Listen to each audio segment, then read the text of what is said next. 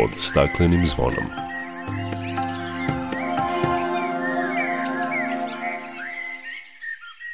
Dobar dan, dobrodošli na Zeleni talas prvog programa radija Radio Televizije Vojvodine. Ja sam Dragana Ratković. Od početka leta beleže se veoma visoke temperature, ali i nagle promene koje su često praćene nepogodama. Svima nam je jasno da su klimatske promene na delu. Evropska mreža za klimatsku akciju koja se bori protiv klimatskih promena, promoviše održivu klimu, energetske i razvojne politike širom Evrope, objavila je studiju sa preporukama zemljama Zapadnog Balkana kako da ispune ciljeve smanjenja emisije gasova staklene bašte i 2050. postanu klimatski neutralne. Čućete šta sadrži ta studija. Devet gradonačelnika sa Zapadnog Balkana potpisalo je deklaraciju kojom su prihvatili da preduzmu dobrovoljne mere za smanjenje zagađenja vazduha u svojim gradovima i opštinama. Govorit ćemo o kvalitetu vazduha u Novom Sadu koji je potpisnik te deklaracije. Biće reči i o aktivnostima Pokrajinskog zavoda za zaštitu prirode u rezervatu biosfere Bačko Podunavlje koji 14. jula obeležava svoj dan, kao i o nastojanjima ekoloških aktivista i građana Vršca da zaštite gradski park od daljnjeg propadanja. Toliko u najavi emisije, o tim i drugim temama opširnije nakon pozdravne pesme. Dok priroda kraj nas plače, za vladarskim svojim tronom,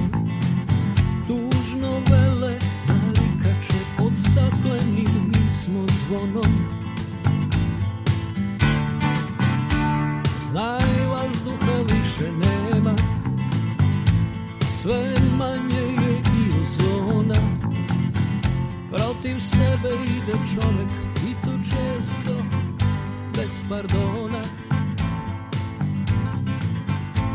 Uništenju živog sveta Kao da su ljudi skloni Čovek sam je sebi meta Zbog njega ovo zvono zvoni Uništenju živog sveta Kao da su ljudi skloni. Čovek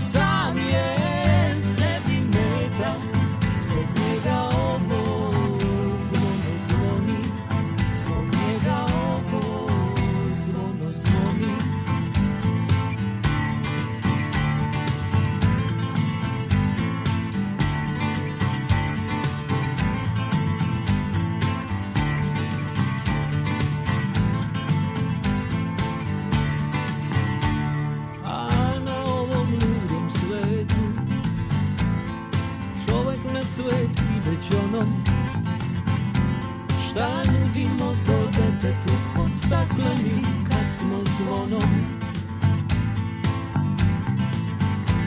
Uništenju živog sveta.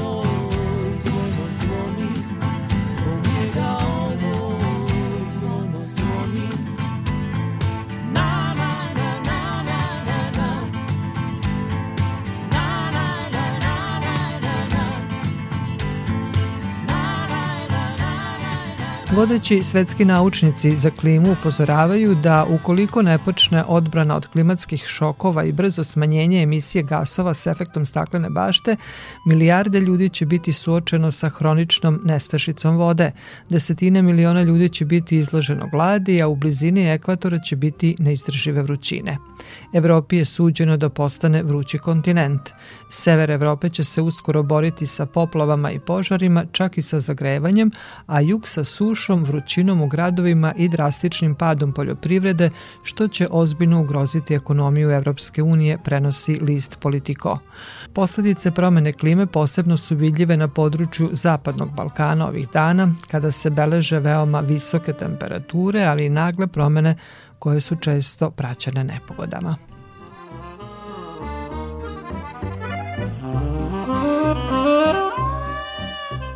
Evropska mreža za klimatsku akciju je e, vodeća koalicija nevladinih organizacija u Evropi koja se bori protiv klimatskih promena, promoviše održivu klimu, energetske i razvojne politike širom Evrope i pre nekoliko dana Evropska mreža za klimatsku akciju je, je izdala studiju kojim se želi ublažiti negativne strane klimatskih e, promena sa preporukama koje treba da pomognu zemljama Zapadnog Balkana kako da odrede putanju smanjenja gasova sa efektom staklene bašte. O ovoj studiji razgovaram sa Mašom Perović iz Evropske mreže za klimatsku akciju. Mašo, dobrodošli na Zeleni talas Radio Novog Sada. Dobar dan, hvala vam na pozivu. Maša, Evropska mreža za klimatsku akciju je zajedno sa partnerima iz regiona objavile su studiju sa preporukama kako da se pomogne zemljama Zapadnog Balkana da nađu način da smanje emisije gasova s efektom staklene bašte. Šta je svrha te studije i šta ona sadrži? Studija je, ideja e, studije e, jeste da informiše i na neki način pogura proces tokom kog države, odnosno vlade zemalja Zapadnog Balkana treba da postave jasne ciljeve i akcione planove kako da smanje gasove sa efektom staklene bašte koji su gasovi koji najviše utiču na klimatske promene. Ta studija je onako tehničkog karaktera, tako da nije za svakoga, ali u svakom slučaju mi smo nju prosledili Evropskoj komisiji i energetskoj zajednici koji će raditi jednu obimniju još veću studiju vezano za isto e, postavljanje ciljeva kako da se smanje klimatski gasovi, da ih jednostavno nazovemo, i to će biti predstavljeno krajem godine na ministarskom veću klimatske zajednice. Dakle, to je jedan visoko politički proces koji naravno odgovara na Parijski sporazum koji je potpisan 2015. godine i Sofijsku deklaraciju od prošle godine koji su potpisali svi e, lideri zemalja Zapadnog Balkana. A ideja jeste da do 2050. godine se dekarbonizuje region, što znači da nemamo više postrojenja i da ne ispuštamo gasove staklene bašte, zato što e, klimatske promene veoma negativno utiču na celu e, zemaljsku kuglu, je tako?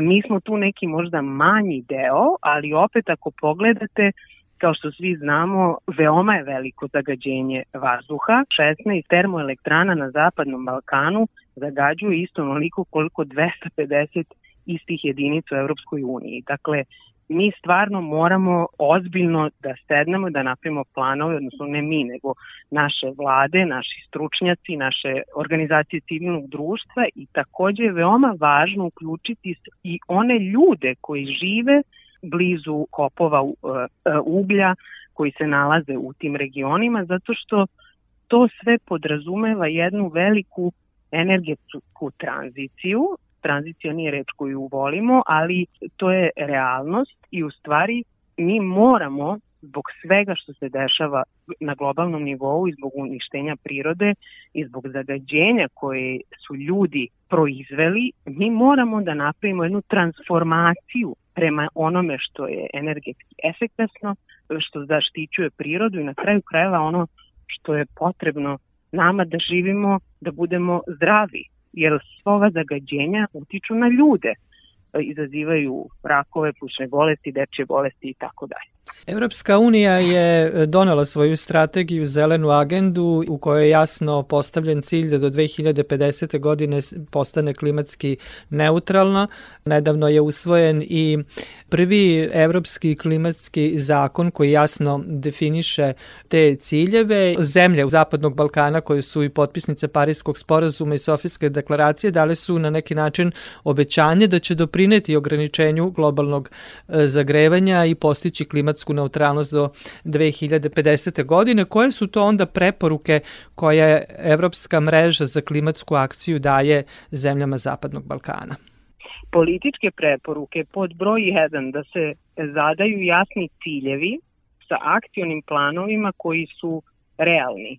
Dakle, mi imamo mnogo dokumenta, strategija koje se pišu, pišu, pišu i onda se zaborave u nekoj fioci. Ono na što mreža za klimatsku akciju cilja i ono što jasno hoće da kaže jeste da, da ovo mora da se shvati ozbiljno i da je pod broj jedan post, e, vrlo važno postaviti prvo cilj, jasan cilj, vremenski određen cilj i onda e, ka tom cilju ići upućeno i zajednički sa svim akterima koji treba da doprinesu tom celom procesu. Dakle, ne samo vlade, stručnjaci, civilno društvo i, i lokalne zajednice.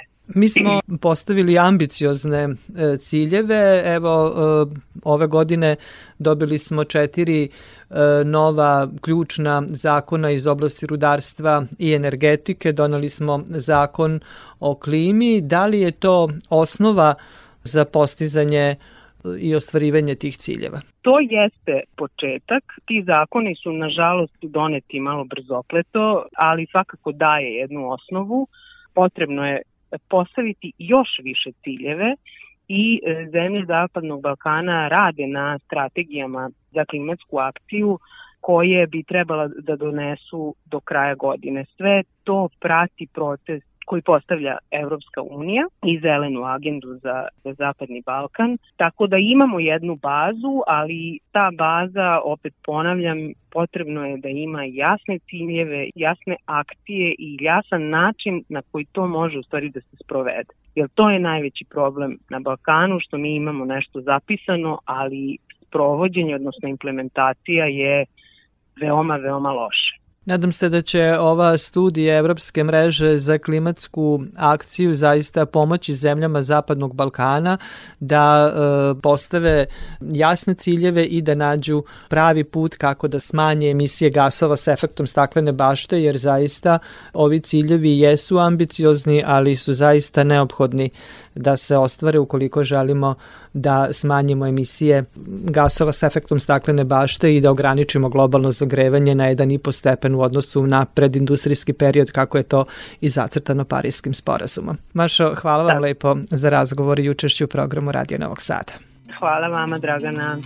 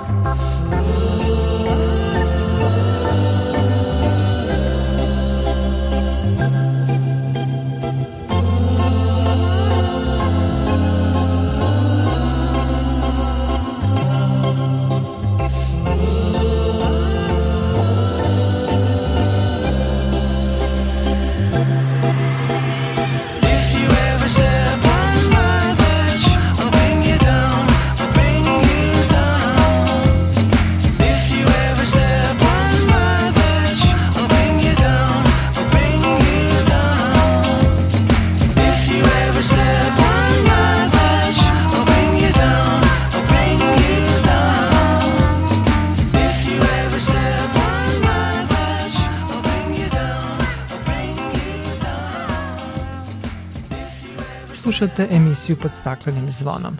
Prema studiji unapređenja upravljanja kontaminiranim lokalitetima u Srbiji, stanovnici grada Bora podložni su većem stepenu obolevanja od svih vrsta malignih tumora nego žitelji drugih krajeva Srbije. Iako prema ovogodišnjem monitoringu Bor u odnosu na druge gradove poput Valjeva, Beograda, Smedereva i Niša ne spada u gradove sa drastičnim povećanjem prekograničnih vrednosti PM10 i PM2,5 čestica, zabrinjava sastav tih čestica. No, gradonačelnik Bora Aleksandar Milikić najavio je da će građani Bora imati čistiji vazduh od naredne godine. A devet gradonačelnika sa Zapadnog Balkana potpisalo je deklaraciju kojom su prihvatili da preduzmu dobrovoljne mere za smanjenje zagađenja vazduha u svojim gradovima i opštinama, od kojih se većina nalazi u regionima sa ugljenokopima ili termoelektranama na ugalj. Deklaracija gradonačelnika je potpisana na nedavno održanom forumu energetske zajednice o pravednoj tranziciji, a u okviru inicijative koju su pokrenuli Sekretarijat energetske zajednice i Mađarski zeleni centar za Zapadni Balkan. Mere će uglavnom biti usmerene na grejanje u domaćinstvima, industriju i saobraćaj, a cilj je da se regioni i zajednice podstaknu na delovanju u oblasti kvaliteta vazduha na dobrovoljnoj osnovi. Devet potpisnika deklaracije su Banovići, Kakanj, Lukavac, Magla i Tuzla u Bosni i Hercegovini, Bitolj u Severnoj Makedoniji, Pljevlja u Crnoj Gori, kao i Novi Sad i Niš u našoj zemlji. Gradovi i opštine koji su pristupili inicijativi će uz podršku Sekretarijata energetske zajednice i Zelenog centra za Zapadni Balkan izraditi, usvojiti i sprovesti akcione planove za poboljšanje kvaliteta vazduha koji će sadržati ambiciozne politike i mere. Takođe će razmenjivati iskustva i informacije o napretku i rezultatima u drugim regionima i opštinama. Novi Sad kao potpisnik deklaracije prihvatio je da preduzme mere za smanjenje zagađenja vazduha jer ima problem sa njegovim kvalitetom tokom čitave godine. Tako zagađen vazduh utiče na zdravlje Novosađana, kaže Sanja Bjelović iz Instituta za javno zdravlje Vojvodine koji radi monitoring kvaliteta vazduha. Naši podaci pokazuju da i leti i zimi, nažalost, deluje absurdno, ali tako je. Lokalni izvori zagađenja, znači zimi dominiraju, znači to su ta lokalna ložišta koje naše stanovništvo koristi i problem nije samo u lokalnim ložištima, nego gorivu koja se za to koristi. Kada bi postojala ekonomska stabilnost zajednice i kada bi ljudi mogli da koriste kvalitetno gorivo, onda bi sa gorevanjem se oslobadile mnogo manje količine tih štetnih elemenata. Međutim, ljudi, nažalost, za grejanje koriste ono što je ekonomski najisplativije i onda tim nepotpunim sagorevanjem doprinose zagađenju, odnosno iz dimnjaka izlazi ono što zagađuje vazduh. Mm -hmm. Leti opet kao što se i očekuje u vazduhu čestice prašine dominantno nastaju zbog izbacivanja izvjetovnih gasova automobila, tako da je saobraćaj po učestalosti izvora zagađenja. Mm. Nas svakako ne treba da za građevinske radove koji su, vidimo i sami učestali, jer se oko njih uslobodaju čestice prašine, tako da bi bilo svrsishodno, znači svaka ta gradilišta zaštititi odgovarajućim panelima koji bi makar na licu mesta, odnosno oko samog objekta zadržale te čestice prašine. Zagađenju vazduha svakako doprinosi i sama klima, jer e, ono što nastane na jednom mestu zagađenja se vetrovima prenosi dalje, tako da bili smo svedoci pred par dana da smo imali pesak koji nam je stigao iz Sahara u vazduhu, tako da klima jeste neki još dodatni doprinosni činilac. Nažalost, Novi Sad je nekad bio pun širokih razlođenih ulica i bulevara koji su onda omogućavali da vetar oduva, tako da kažem po zacima navoda zagađenja, ali sad kako se gradi, e, više strasnice zadržavaju to zagađenje, povećava se temperatura i onda se samim tim to zagađenje sve više i više zadržava na mestu svog nastanka. Prema rečima Sanje Bjelović, na poboljšanju kvaliteta vazduha mora da se radi na svim nivoima, od republike preko pokrajine do lokala, ali istovremeno moraju biti preduzete i preventivne mere.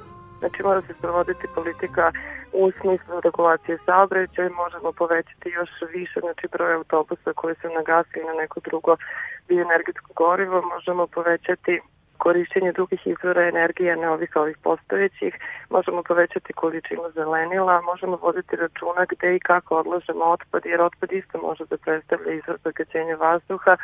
Možemo da povećavamo, to se i radi, ali možemo intenzivirati, povećavati broj pešačkih o, o biciklističkih staze i time smanjiti izvor saobraćaja kao mogući izvor zagađenja i možemo obezbediti ukoliko bi postali za to ekonomski uslovi, adekvatne uslove za stanovništvo da može lako da pređe na druge e, potencijalne izvore energije i da na taj način onda smanji, odnosno manje doprinose zagađenju životne sredine. To je jedna sveukupna akcija celokupnog društva, celokupne zajednice i treba raditi na prosvećivanju stanovništva, jer koliko god je to nama blisko, mislim nama koji se time bavimo, nažalost stanovništvo možda još uvek nema dovoljno saznanja o tome na koji način se može, odnosno svojim aktivnostima zagađuje vazduh. Primjer u Evropi pokazuju da se to može regulisati u velikim gradovima su čestice prašine smanje na nivoje ispod propisanih, tako da sve moguće, samo prosto sve izvore morate, nažalost, eliminisati, ali tako da to bude ekonomski prihvatljivo.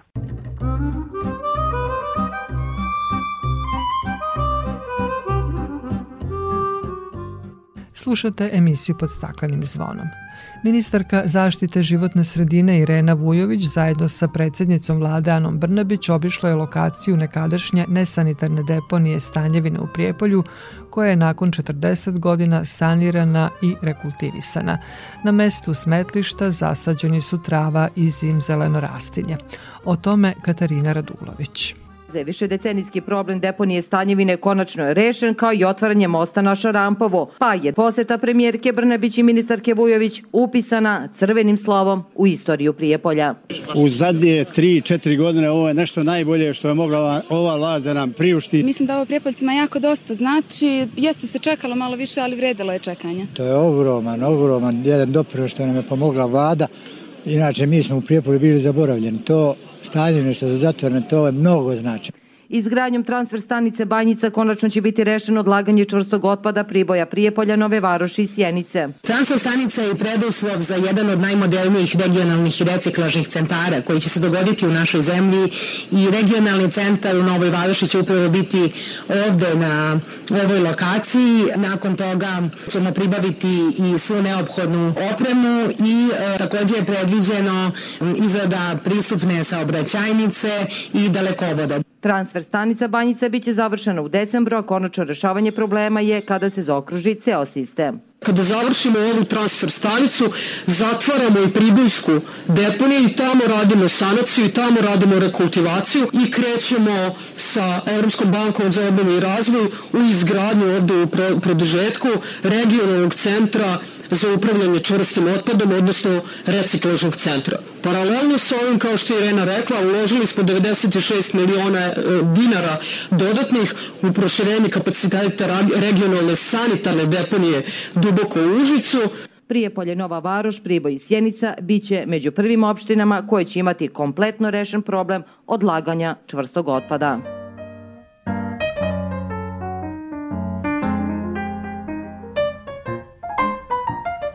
When somebody thinks you're wonderful, what a difference in your day.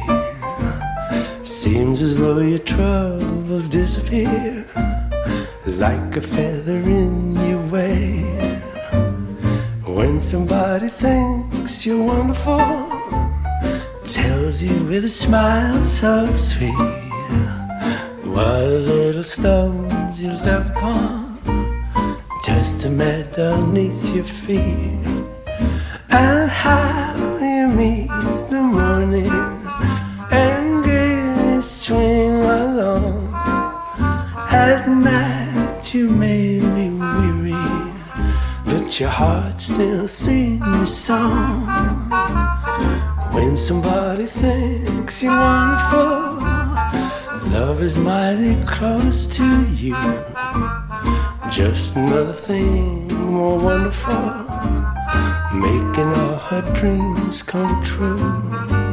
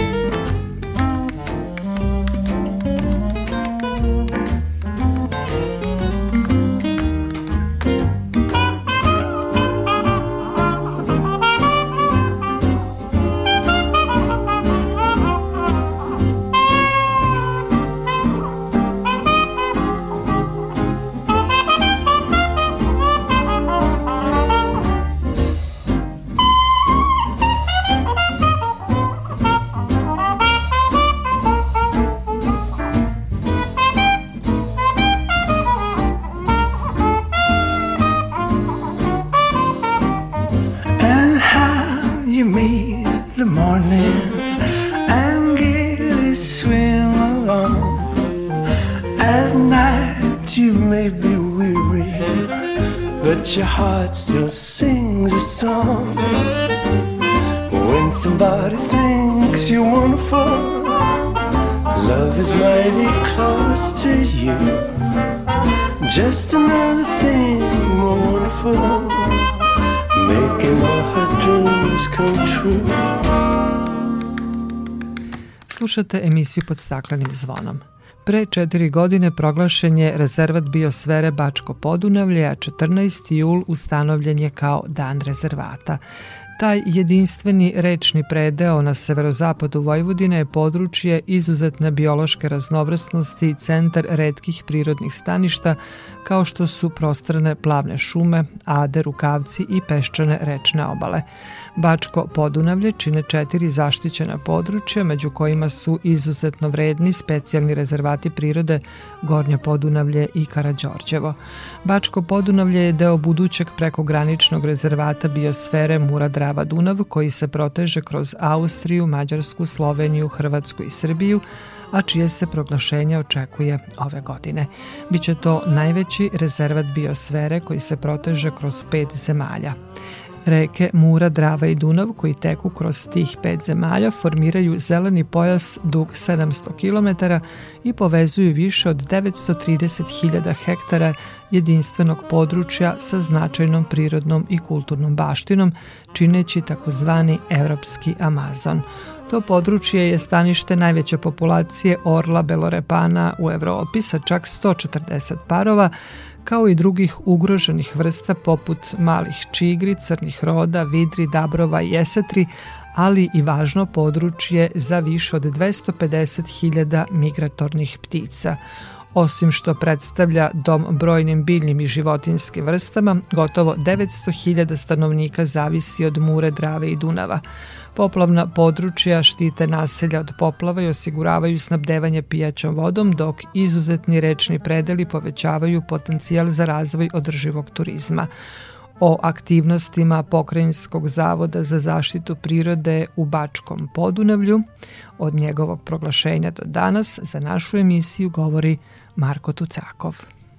Najvažnija stvar koja se desila jeste da je cela ideja dobro primljena od lokalnog stanovništva. Ne bih mogao reći od svih lokalnih samouprava, ali lokalno stanovništvo i takako zna da koristi prednosti rezervata biosfere. Sada već možemo videti da kada se ulazi u rezervat biosfere postoji znak UNESCO i to nas raduje.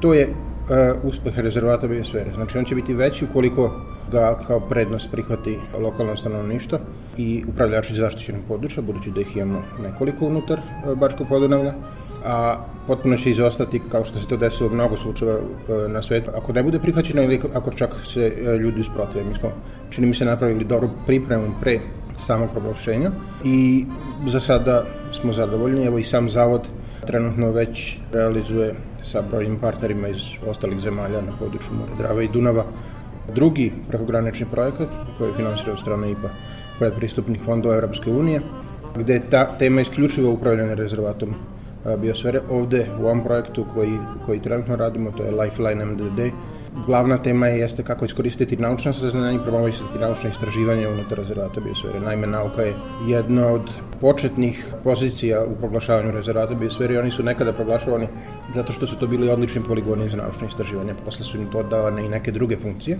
ali evo ove godine su upravo slavi 40 godina od početka projekta Čovek i biosfera i vidimo da nauka i dalje ima velikog značaja u upravljanju prirodom. Greške koje se javljaju u upravljanju prirodom i zaštićenim područjima posebno nekada su pripisivane prvo nedostatkom naučnih saznanja o tome kako se trebaju rešavati. Kod nas su brojni drugi problemi u zaštiti prirode, ali čini mi se da i kod nas vidimo jedno zanemarivanje fundamentalnih naučnih istraživanja e, u e, praksi upravljanja prirodom, pa odluke o tome kako će se upravljati prirodom dolaze iz nekih drugih sektora, najčešće iz ekonomije.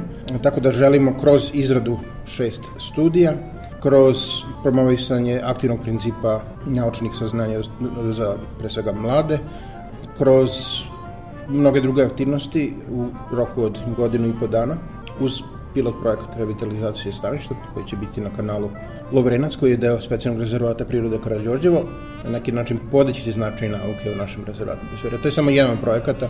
Ja mogu izraziti zadovoljstvo u ime našeg zavoda što i sami upravljači, u ovom slučaju Vojvodina šume, na području Gornjeg Podunavlja, zajedno s lokalnom zajednicom sada, realizuju projekte na teme za koje smo se dugo zalagali da treba da budu dominantne na tom području, a to je na neki način interakcija lokalnog stanovništva i upravljača i zajednički benefiti koji, koji za lokalno stanovništvo može imati upravljanje zaštićenim područjem.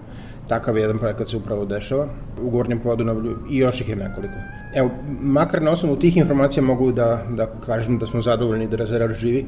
Naravno, kao i svima ostalima, problemi tokom prošle godine delimično tokom ove su nastavljeni i u oblastima upravljanja prirodom, posebno u oblastima međunarodne saradnje gde putovanja nema i neke interakcije između partnera, a ovde u ovom projektu ih je 11 i 26 pridruženih partnera su izuzetno teško moguće, pa se sa puno stvari kasnije, ali to je samo administracija. Nama je važno ono što se dešava na terenu. Priroda je na svu sreću jača i od ovih naših zdravstvenih problema i od naše nekada spore administracije, tako da sa zadovoljstvom konstatujemo da se ona dosta dobro drži. Četiri godine je od proglašenja rezervata biosfere Bačko Podunavlja. Rekli ste da su stanovnici tog područja shvatili u stvari šta znači rezervat biosfere, da lokalno stanovništvo ima korist od prirode koja ga okružuje. Evo nekih primjera. Trenutno se iz Dunavskog e, programa Europske unije finansiraju četiri projekta gde je isključiva tema rezerva biosfere. Dakle, u različitim oblastima, to je šumarstvo, upravljanje vodama, lokalne zajednice kod nas zaštite prirode i revitalizacije staništa, se obrađuju teme e, gde je projektno područje rezerva biosfere. Ti projekti ne bi mogli biti dobijani, odnosno finansiranje za njih omogućeno, a reč je o više od 10 miliona eura, da to područje nije proglašeno kao rezerva biosfere. U Dunavskoj strategiji kao tako je koja je osnova za finansiranje ne samo ovog, neki, neki, neki drugi fondova Evropske unije. UNESCO rezerva biosfere Muradava Dunav koji će biti proglašen uskoro, nadamo se, predstavljen je kao primjer dobre prakse prekogranične i međudržavne saradnje samo to je dovoljan uh, dokaz da ovakve stvari mogu da se, tako da kažem, zakotrljaju i da počnu da se intenziviraju ukoliko postoji međunarodna saglasnost. Ta projekat Muradrava Dunav je star više, nego što ste rekli, negde oko 25 godina, kada su počele prve inicijative, neko od nas, do duše, mi smo se kasnije e, priključili. Tako da, to je to. Još nekoliko primjera. 2019. je počela revitalizacija na inicijativu lokalnog stanovništva Bačkom monoštoru, kanala DTD izmoljivanjem, uz predloge kako to uraditi koje su takođe došli od lokalnog stanovništva i vode Vojvodine su vrlo brzo to uh, počele realizovati. E, tada je revitalizovano od mulja i biomase oslobođeno uh, negde oko 3 km, ove godine će to biti više koje se nalazi pored samog sela, a u rezervatu i specijalnom rezervatu prirode i u Bačkom Podunavlju. Mislimo da bi te stvari išle teže i evo vidimo da se ne dešavaju bez obzira što su DTD kanali dosta opterećeni, da ovo nije zaštićeno područje da nije rezerva biosfere.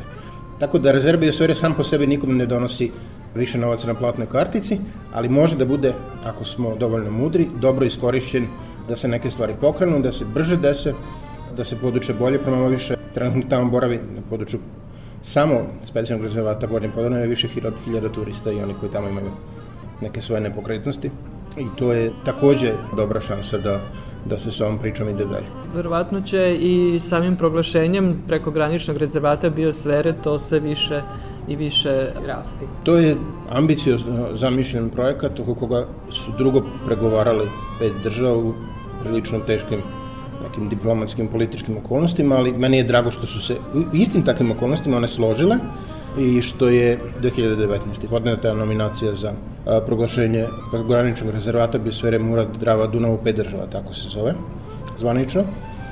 Na sastanku UNESCO-ovog programa Čovjek i biosfera koji je ove godine u septembru u Abuđi u Nigeriji se očekuje da će biti proglašen. Evo, tako da se zaista na neki način kruniše posle puno, puno ovaj, truda različitih aktera u ovih pet država, pre svega civilnog sektora, rekao bih, ova zajednička inicijativa. Opet, kako će ona uspeti i kako će to područje živeti kao jedino u pet država, e, kao jedina rezerva biosfere u pet država, zavisi od nas. Između ostalog i od ove kuće koje je e, stručni partner Ministarstvo zaštite životne sredine koji, koji vodi ovaj projekat kod nas. Na puno načina i kroz puno oblika ovo će biti nešto prvo na svetu. Tako da nije da nemamo određenu trenu, rekao bih, e, kako će to sve izgledati, ali nadamo se da vlade i ministarstva životne sredine pet država stoji za onoga na šta su se obavezale u samoj nominaciji, tako da se nadamo da će upravljanje biti i zajedničko i uh, u duhu saradnje i da će doneti određene rezultate.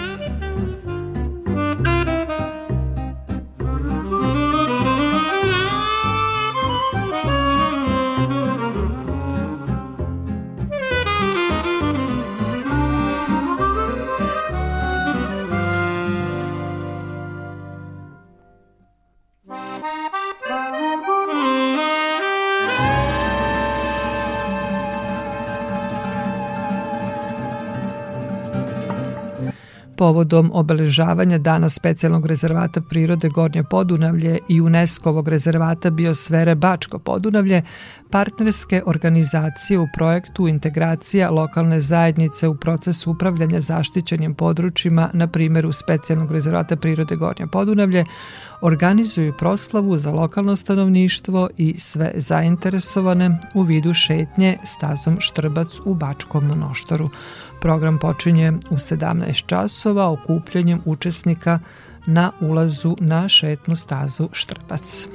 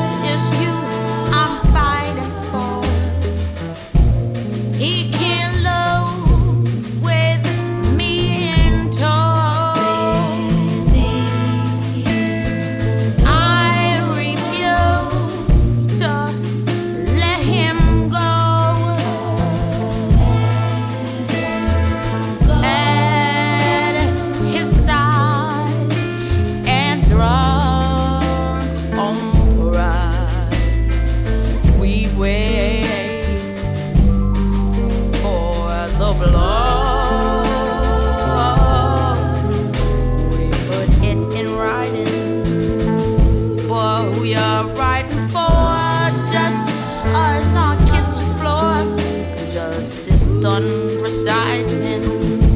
My stomach's.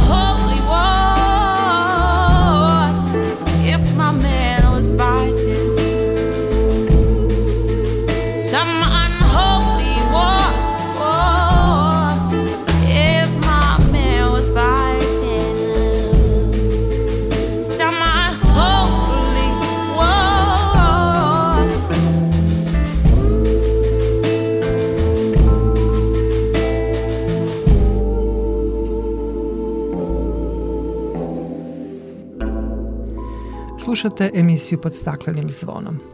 Gradski park u Vršcu je jedan od malobrojnih sačuvanih parkova javnog karaktera, mešovitog stila, svojstvenog za Evropu 18. veka sa značajnim redkim drvećem i zelenilom, a mogao je da se poredi sa onima u Budimpešti, Beču, Temišvaru.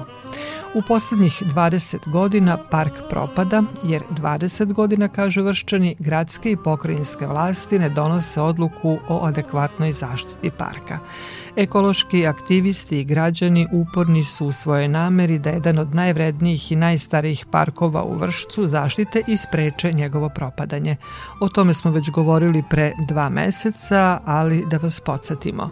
Zaštita Vršačkog parka proglašena je još 1973. godine. Zbog usaglašavanja sa novim zakonima, Zavod za zaštitu prirode je 2001. godine uradio studiju zaštite i poslao opštini Vršac na usvajanje usvajanje. Ovu odluku opština nikada nije donela.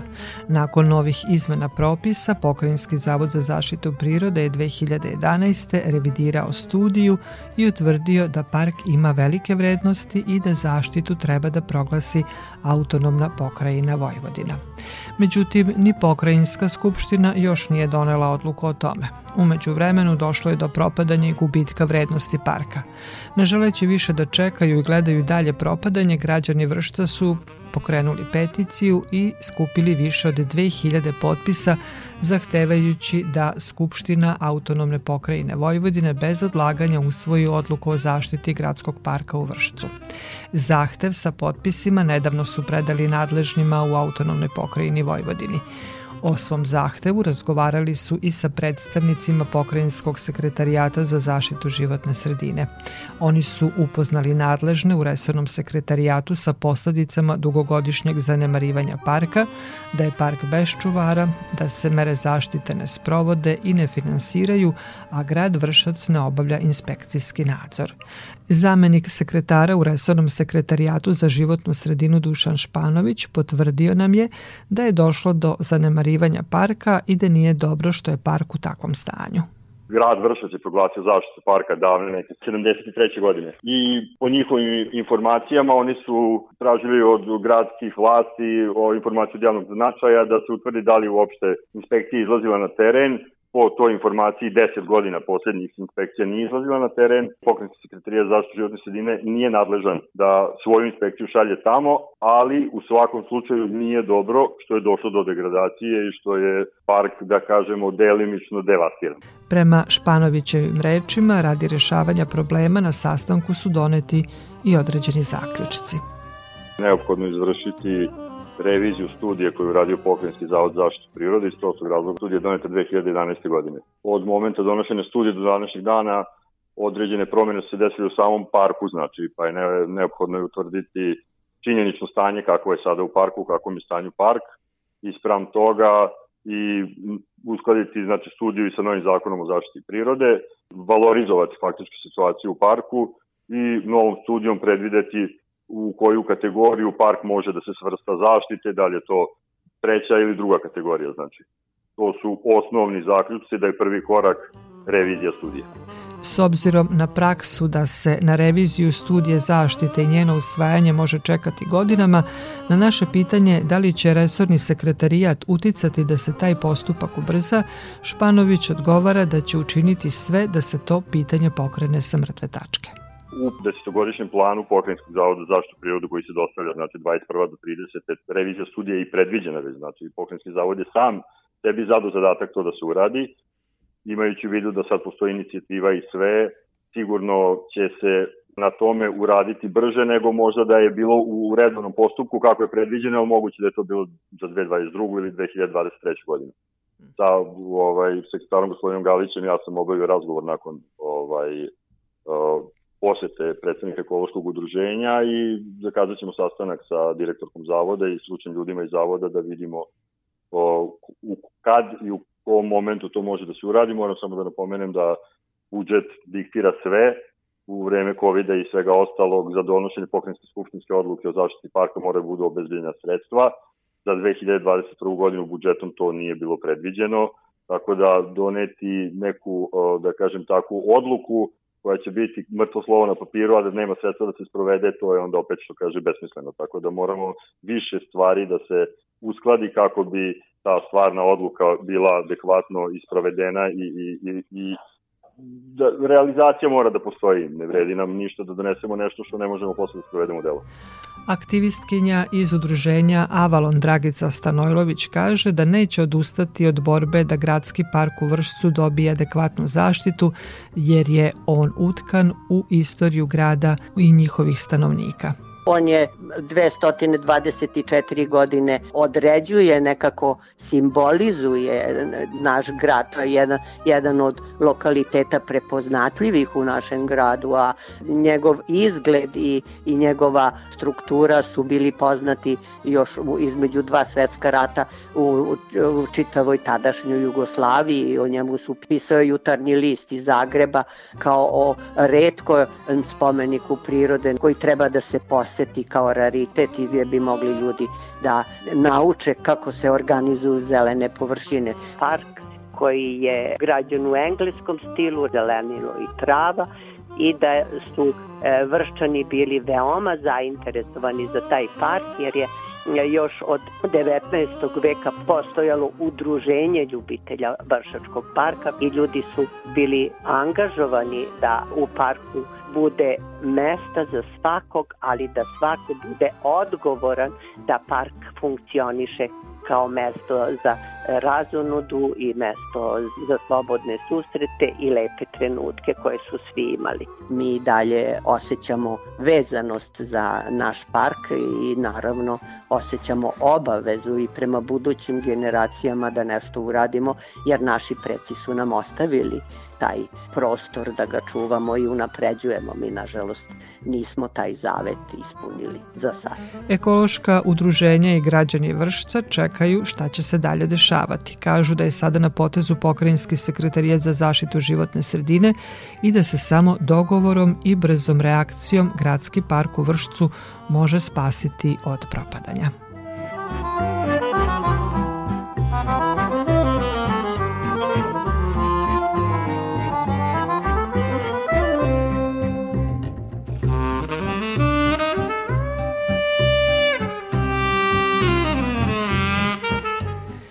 Slušate emisiju pod staklenim zvonom. Početak leta obeležile su visoke temperature koje sve teže podnosimo. Nije lako ljudima, ali ni životinjama. U letnjim mesecima, pogotovo od juna do oktobra, neophodno je obezbediti vodu za divljač koja živi u Deliblatskoj peščari. O tome vode računa u šumskom gazdinstvu Banat Pančevo i prethodnih godina mnogo je urađeno da bi divlje svinje, jeleni, srne i ostale životinje koje ovde borave imale dovoljno pijeće vode. O tome Snežana Đurić. Visoke temperature u letnjim mesecima teško podnosi i divljač. U Deliblatskoj peščari, gde je uglavnom par stepeni toplije nego u okolnim mestima, neophodno je obezbediti dovoljne količine vode za divlje životinje. O tome se staraju u šumskom gazdinstvu Banat. U lovištima posebne namene postavljeno je 38 pojila kaže Željko Sušec, predsednik Lovačkog saveza Vojvodine i direktor šumskog gazdinstva Banat Pančevo. Imamo pojela koja se 24 sata snabdevaju vodom, znači to su pojela koja su urađena unazad zadnjih 5 godina. Radili smo privatizaciju starih bunara na starim lugarnicama u Delibanskoj peščari, obnovili smo te bunare i od, sa tih bunara preko vodovoda koji smo mi napravili preko Kite Creva, nabdevamo 3,5 do 4 km dubinu u lovištu, nabdevamo divljač sa pijaćom vodom. Urađena su i velika pojila zapremine do 8000 litara, kojih je trenutno pet.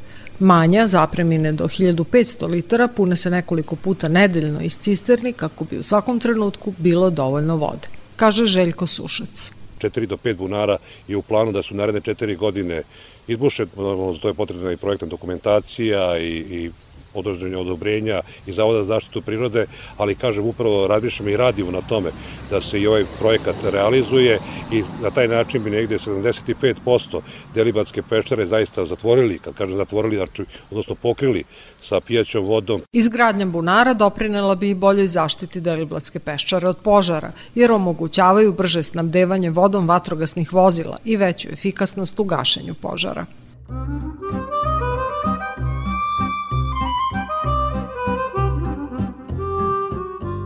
Kako biste bili što bolje informisani o temama iz oblasti ekologije i zaštite životne sredine, preporučujemo vam i ekološki magazin Ekolist, jedini magazin te vrste koji u kontinuitetu izlazi već 14 godina.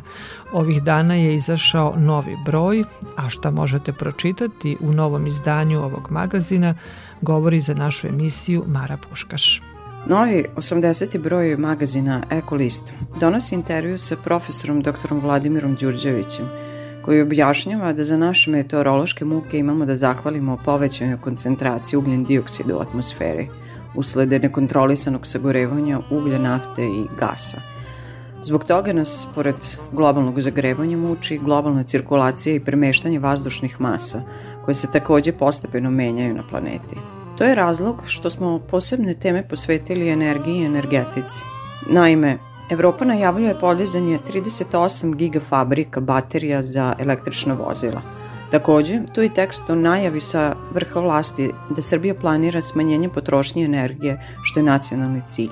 U magazinu je i tema gde završava ambalaža od sredstava za zaštitu bilja. Budući da smo poslednjih godina bili svedoci masovnih lokalnih zagađenja i trovanja divljih životinja pesticidima, Aleksandar Šošević, direktor kompanije Envipak DO, govori o praksama zbrinjavanja ove vrste otpada u Srbiji.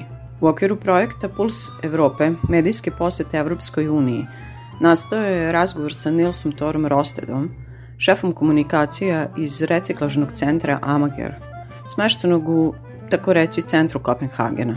Ovo dragoceno iskustvo dolazi iz pera naše drage koleginice Majde Adlešić.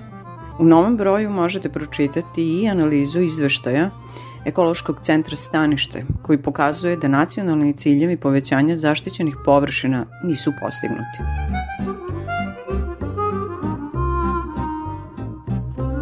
Toliko za ovo izdanje emisije pod staklenim zvonom koju možete slušati i odloženo na podcastu Radio Televizije Vojvodine na adresi rtv.rs. Na pažnji vam zahvaljuju Sabina Nedić, Zoran Gajinov i Dragana Ratković. Sledeći susret zakazujemo za sedam dana u isto vreme na zelenom talasu prvog programa radija Radio Televizije Vojvodine.